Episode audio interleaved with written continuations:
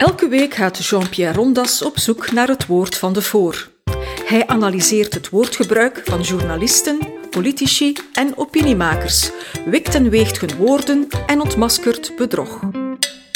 Beste luisteraar, de reden waarom ze me enkele jaren terug eens voor een televisiepanel op VRT TV 1 hadden gevraagd, ben ik kwijt. Iets communautairs waarschijnlijk, zeker als je weet wie daarmee aan tafel zat: Peter de Rover, Geert van Istendaal, Philip van Parijs en ik. Ik had me op van alles voorbereid: meertaligheid in Brussel, aanslepende regeringsvorming, confederalisme, maar het allersimpelste had ik niet verwacht. Want wat was de vadders eerste en prangende vraag? Of ik eens kon vertellen waarin de Vlaamse identiteit bestond. Identiteit, een instinkertje. Maar je moet wel in 1, 2, 3 iets zeggen. Dus ging ik onmiddellijk meta, ik begon over de vraag zelf. Ik gaf het voorbeeld van Mozes. Toen hij naar de identiteit vroeg van zijn geheimzinnige gesprekspartner in het brandende braambos, maakte Yahweh er zich van af met de dooddoener dat hij ook maar was wie hij was: Ik ben die ben. Wat valt er immers meer te zeggen? En als de Heere het niet kon, wat zouden wij stervelingen dan op die vraag kunnen antwoorden? Ofwel is de identiteitsvraag een raadseltje. Laat nu de belangrijkste eigenschap van een raadselvraag zijn dat het antwoord al in de vraag zelf vervat zit. Dat had Urbanus van Anus heel goed gezien in zijn meezinger 1, 2, 3, rikketikketik, de strofen beschrijven zo overduidelijk achtereenvolgens een kieken, een varken en hemzelf, dat het refrein urbanistisch geestig is. Ra, ra, ra, wie ben ik? Is er iemand die al weet hoe ik heet? Ik moet toegeven dat vragensteller de Vadder niet veel kon aanvangen met mijn verhaaltjes. Dat was geen televisie, nietwaar?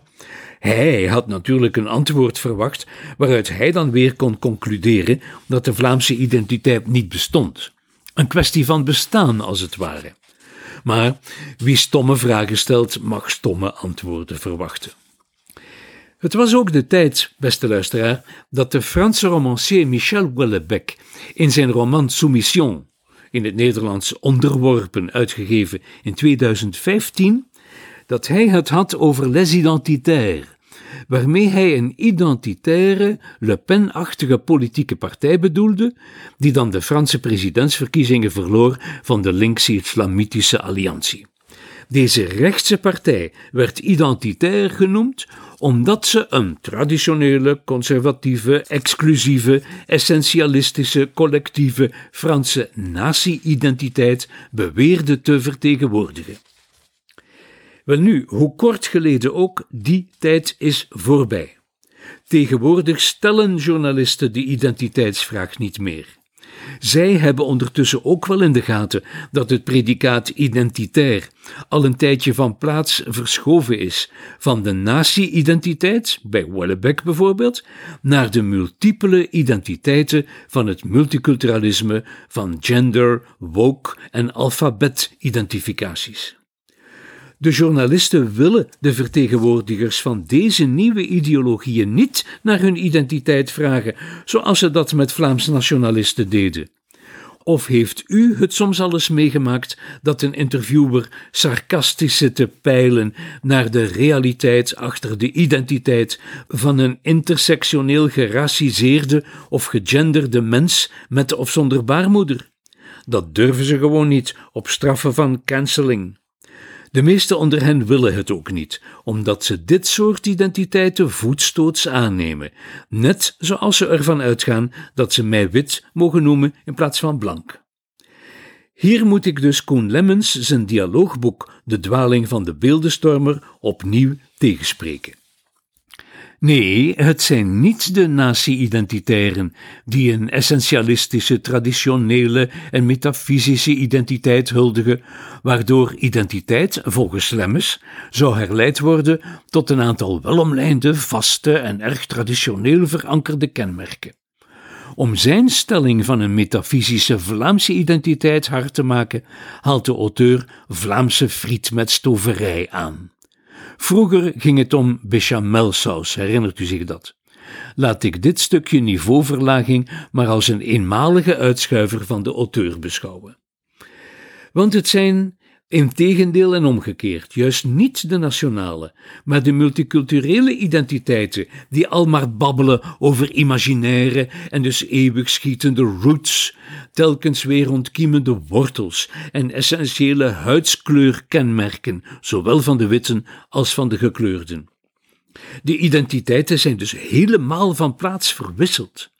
Identiteit is er trouwens niet meer voor autochtonen, het wordt de witte mens zelfs verboden er nog een te hebben.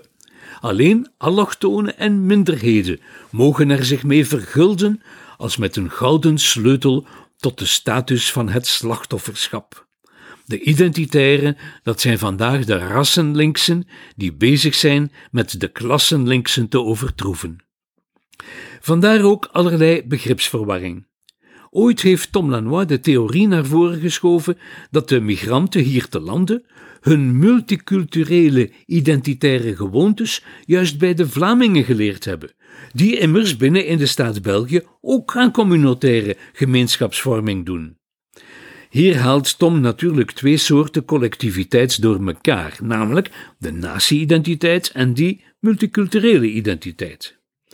Migranten zijn overal in Europa apart gaan leven, niet alleen uit noodzaak, maar ook omdat ze door de theoretici van het multiculturalisme daartoe werden aangemoedigd. Niet omdat ze deze apartheid van de Vlamingen zouden afgekeken hebben. Mijn stelling trouwens luidt dat alleen de natie-identiteit in staat is om de verschillende multiculturele identiteiten te incorporeren en te neutraliseren. Voor zover integratie in de staat België succes heeft, gebeurt ze in het kader van de Vlaamse natie. Een ander kader bestaat niet. Wat doet nu Koen Lemmens in zijn hoofdstukken over identiteit? Eerst en vooral huivert hij om de identiteitsdiscussie te verbinden met de multiculturele kwestie, want dat zou maar tot vertroebelingen van het debat leiden. Dat is eigenaardig. Die twee zijn juist eng verbonden.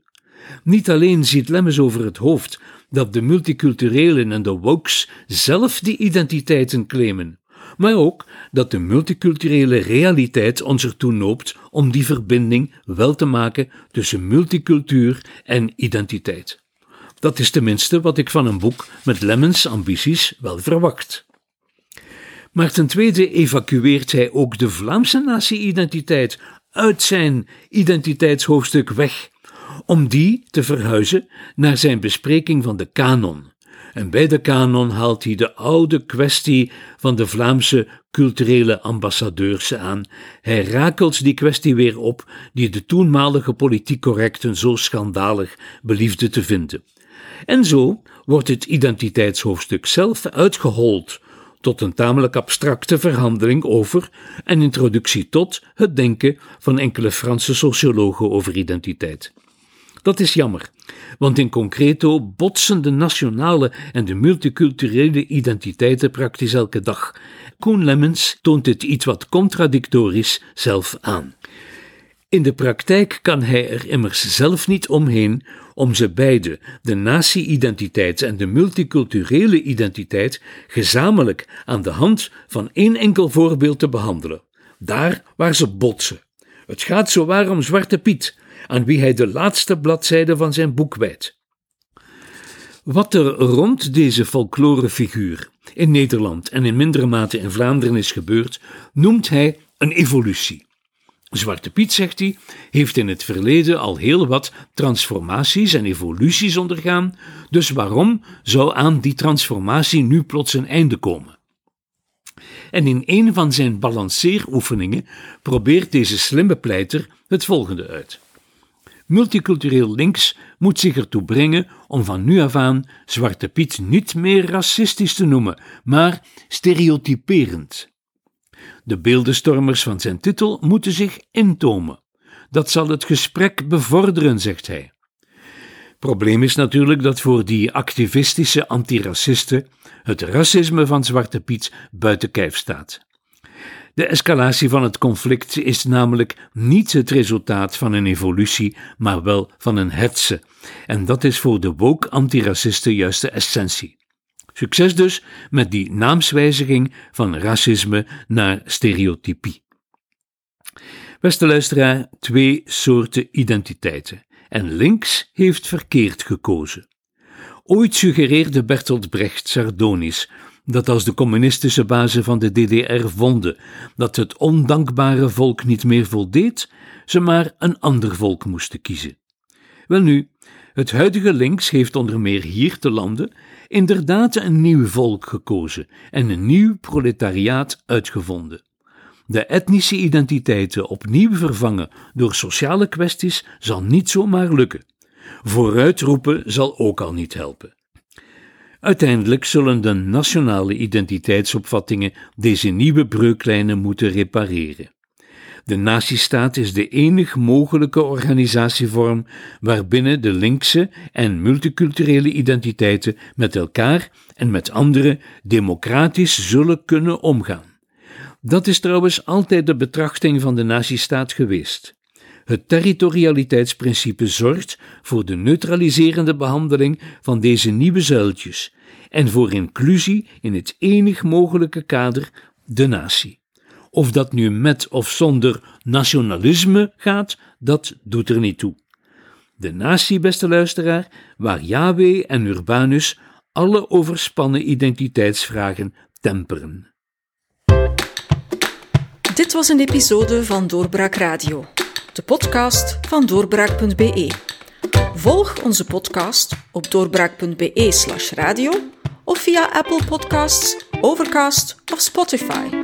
Bezoek ook onze website op doorbraak.be en steun ons door een vriend te worden van Doorbraak.